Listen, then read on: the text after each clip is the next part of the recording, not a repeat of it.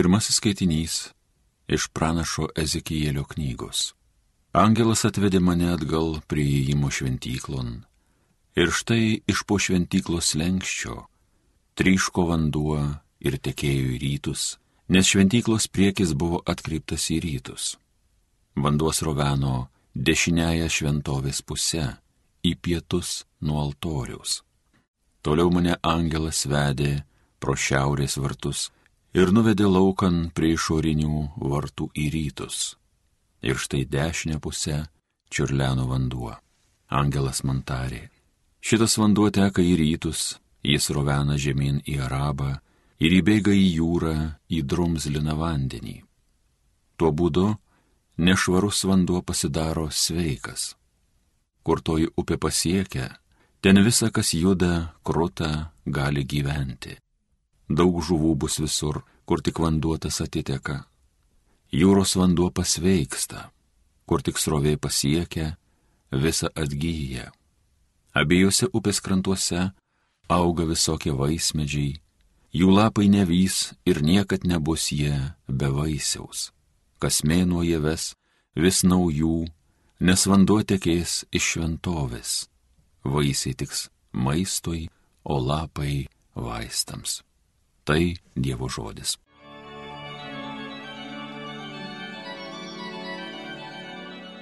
Sraunus upeliai džiugina viešpaties miestą, kur stovi šventas aukščiausiojo būstas.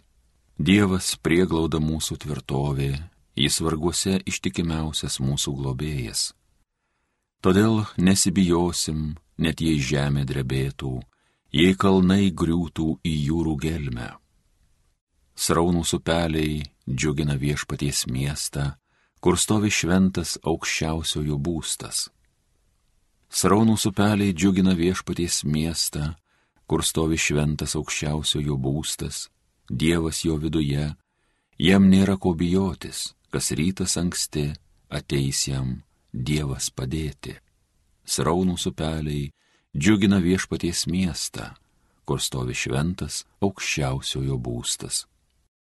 Su mumis dangaus kariuomenių viešpats, Jokūbo Dievas, štai mūsų tvirtovė. Eikit pasižiūrėkit, ką viešpats nuveikia, kokių stebuklų jis žemėje daro.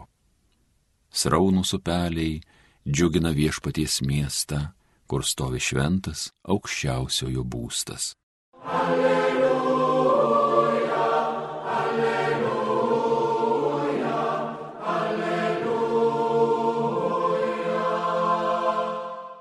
Išsirinkau ir pašventinau šitą vietą, sako viešpats, kad čia mano vardas būtų per amžius. Alleluja, alleluja, alleluja.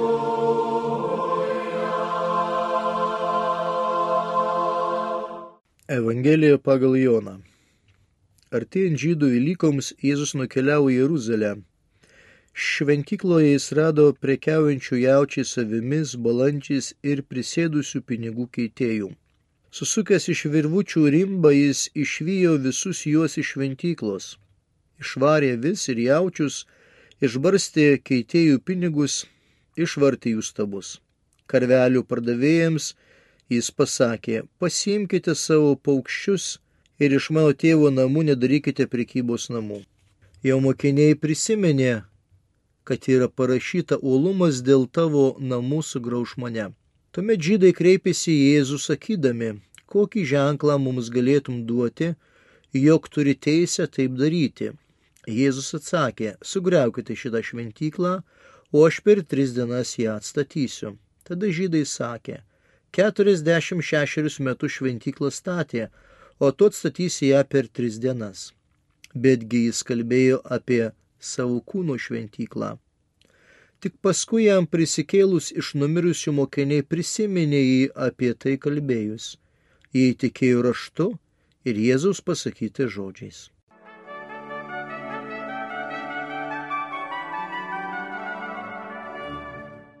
Brangus Marijos radio klausytojai, lapkričio 9 dieną švenčiame Laterano bazilikos pašventinimą ir dėl to šiandieną Evangelija mums nukelia į šventyklos apvalymo pasakojimą, kuomet Jėzus ateina švesti Velykų ir užeina į Jeruzalės šventyklą.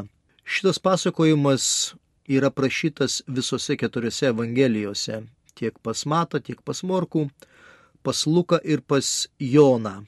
Jono redakcija kalba apie tai, kad artėja žydų Velykos arba, jeigu žiūrėtume į graikišką tekstą, tai yra žydų pascha.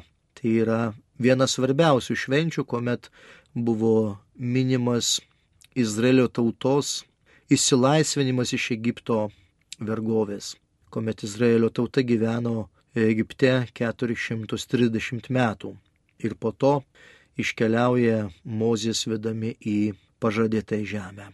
Šitame Evangelijos tekste ypatingą reikšmę sudaro būtent šventyklos savoka. Šventikla, Jeruzalė šventikla, jinai yra e, viena tokių svarbiausių biblinių vietų, biblinių galima sakyti personažų, nes e, šventikla tai yra visos tautos liturginis kultas. Šventikla yra tokio tvarumo simbolis. Rabinistiniai raštai kalbėjo, kad e, kuomet bus pasaulio pabaiga, kada jau bus visas sunaikintas pasaulis ir tik tai po to bus sunaikinta šventikla ir tik tai po to bus sunaikinta sandorų skrinė. Taigi šventikla izraeliečių akimis buvo kažkas tai amžino, kažkas tai stabilaus. Tam tikromis šventėmis visa Izraelio tauta suplūsdavo į Jeruzalę ir, tarkime, švesti Velykų arba švesti Paschos susirinkdavo piligrimai iš viso Izraelio. Galbūt pas mus lietuviškas vertimas e, Velykos jisai truputėlį, na, mus veda į tokį nesupratimą, nes, nes Velykos tai yra mūsų krikščionių šventė. Žydų šventė yra pascha, hebrajiškas pesech yra pereiti perėjimas iš nelaisvės į pažadėtą žemę, perėjimas viešpaties, kuomet e, tas buvo išėjimas ir kuomet viešpats Dievas palėtė visus pirmagimius. Dėl to gal reikėtų labiau akcentuoti, kad tai yra žydiška paska, kad tai yra žydiška šventė, nes mūsų Velykos visai yra kitas akcentas. Mūsų Velykos yra Kristaus prisikelimas iš numirusių. Taigi tai yra tokie galėtume pasakyti, sudėtiniai dalykai Evangelijoje. Šventė liturginė, kurie subūrė visus žmonės, bet visa situacija vyksta Jeruzalės mieste, tai yra Izraelio sostinė ir pasakojimas yra aprašomas, kad tai yra šventikla arba šventovė galėtume ir taip mes pasakyti. Ir kuomet Jėzus ateina, pavyzdžiui, sinoptikai, kas įdomiausia, šitą pasakojimą yra komponavę į didžiąją savaitę, kada jau Jėzus įžengė į Jeruzalę verbų sekmadienį ir tuomet yra šventyklos apvalymas. Evangelistas Jonas jisai šitą šventyklos apvalymą komponuoja į antrą skyrių, į Evangelijos pradžią. Ir tai yra truputėlį kita teologinė mintis kalbama apie šventyklų sugriovimą, kalbant jau pačioje Evangelijos pradžioje apie Jėzaus Kristus prisikėlimą, nes jisai sako, sugriaukite šitą šventyklą, aš per tris dienas ją atsatysiu, jis kalbėjo apie savo kūno šventyklą. Taigi jau evangelistas pradėdamas rašyti savo Evangeliją, jisai tarytum jau nori skaitytojui papasakoti, kad palaukit, neužilgo mes kalbėsime ir apie Jėzaus kančią, mirtį ir prisikėlimą. Ir kada Jėzus ateina į Jeruzalę, jisai, na galima sakyti, jisai niekur neklaidžioja. Jisai tiesiai eina į šventyklą ir tai yra parodo, kas yra centras Jeruzalės miesto. Tai yra būtent Jeruzalės šventykla arba šventovė. Ir jisai ateina į tą šventyklą ir pamato, kad tenai nėra taip, kaip turėtų būti. Šventykloje jis rado parduodančių jaučius, avis bei balandžius ir sėdinčių pinigų keitėjų. Tai yra tokie antrailiai dalykai, kurie funkcionavo būtent šventykloje. Šventykloje pirmailiai dalykai tai yra viešpaties auka, aukoti viešpačiui auką, deginamosios aukos, visokios kitokios aukos. O štai čia suranda Jėzus, kad e, žmonės pardavinėja jaučius, kuriuos galima paukoti avis, balandžius ir netgi yra pinigų keitėjai. Pinigų keitėjai reikalinga buvo tam, kad jie galėtų šventyklos, už šventyklos pinigus e, nusipirkti tam tikrą auką, ar tai jauti, ar tai avį, ar tai balandį, nes Romos imperijos pinigais ir graikiškais pinigais e, žmogus negalėjo nusipirkti būtent aukos. Ir tik tai Evangelijoje pagal Joną mes sutinkame būtent antros kiriaus 15 eilutę, susivyjęs iš virvučių rimbą, jis išvarė juos visus iš šventyklos, taip pat avis ir jaučius išbarstė keitėjų pinigus ir išvartė jų stalus. Ir dažnai yra pristatomas e, šit, šitas evangelinis pasakojimas paveiksluose, kuomet Jėzus turi rankoje rimbą ir visus išvaiko. Bet čia kalbama ne apie tuos žmonės, bet kalbama apie būtent e, gyvulius, nes tai yra nuvalyma šventyklos, kad šventyklų negali būti nei jautis, nei avis, nei, sakykime, paukščiai, bet šventykla skirta būtent žmogui, žmogaus santykiui su viešpačiu Dievu. Ir tai yra labai svarbu, nes mes kartais pastebime, kad žmonės ateina į bažnyčią ir su šuniukais. Kartais, va ir pas mane, Vilkijoj porą kartų mačiau ten vieną ponę, kitą ponę sėdi bažnyčios gale ir ant kelių turi šuniuką. Tai nėra vieta, brangiai vieta, šuniukų yra, žinot, patys puikiai kur, bet čia yra dievų namai ir tai maldos namai ir žmogus ateina pasikalbėti pasimelsi su viešpačiu Dievu, o ne atsivesti dar šuniuko, kad visi kiti žiūrėtų. Tai čia Jėzus irgi atkreipkime dėmesį, kad jisai iš šventyklos išvaro gyvulius ir tuos žmonės, kurie galbūt darė verslą iš to, o ne bendravo su viešpačiu Dievu, neaukojo viešpačiu Dievui. O balandžio pardavėjams jis pasakė, pašalinkite visą tai iš čia, nedarykite iš mano tėvo namų prekybos namų. Jie mokiniai prisiminė, kad yra parašyta, olumas dėl tavo namų praris mane. Ir tai yra brangieji citata iš psalmės 69 dešimtos eilutės. Atsilipdami žydai tarė jam, kokius stebuklingų ženklų mums įrodysi, kad gali taip elgtis. Jėzus sakydamas jiems tarė, sugriaukite šitą šventyklą ir aš per tris dienas ją atstatysiu. Tada žydai sako, ši šventykla buvo statoma 46 metus, o tu ją atstatysi per tris dienas. O jis kalbėjo apie savo kūno šventyklą. Čia mes galėtume pasakyti, kad, na, Jėzus save stato į vieną lygmenį su Jeruzalės šventikla. Ir po Jėzus Kristaus kančios mirties ir prisikėlimo Jėzaus kūnas taps tą gyvąją šventikla.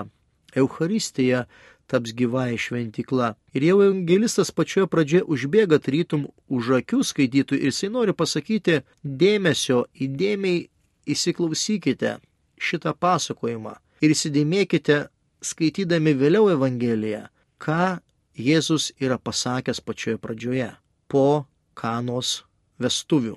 Antras iš tikrųjų iš karto pasakojimas po to, kada mokiniai išpažįsta, kad Jėzus yra Dievo sūnus. Iš karto nueina į šventyklą, iš karto yra nuvalima šventyklos, iš karto yra kalbėjimas, kas Jėzaus laukia.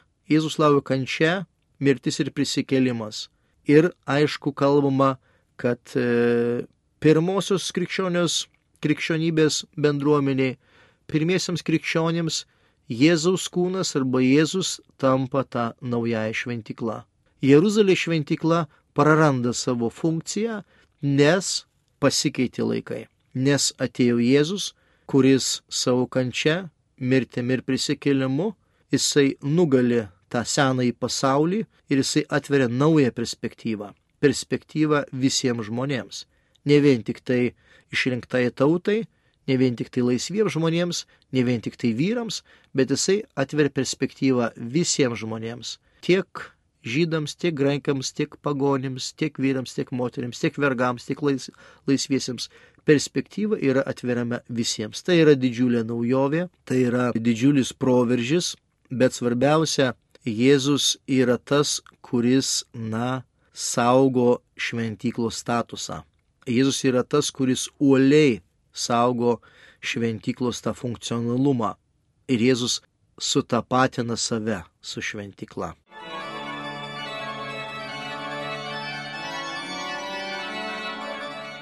Homilija sakė kunigas Linas Šipavičius.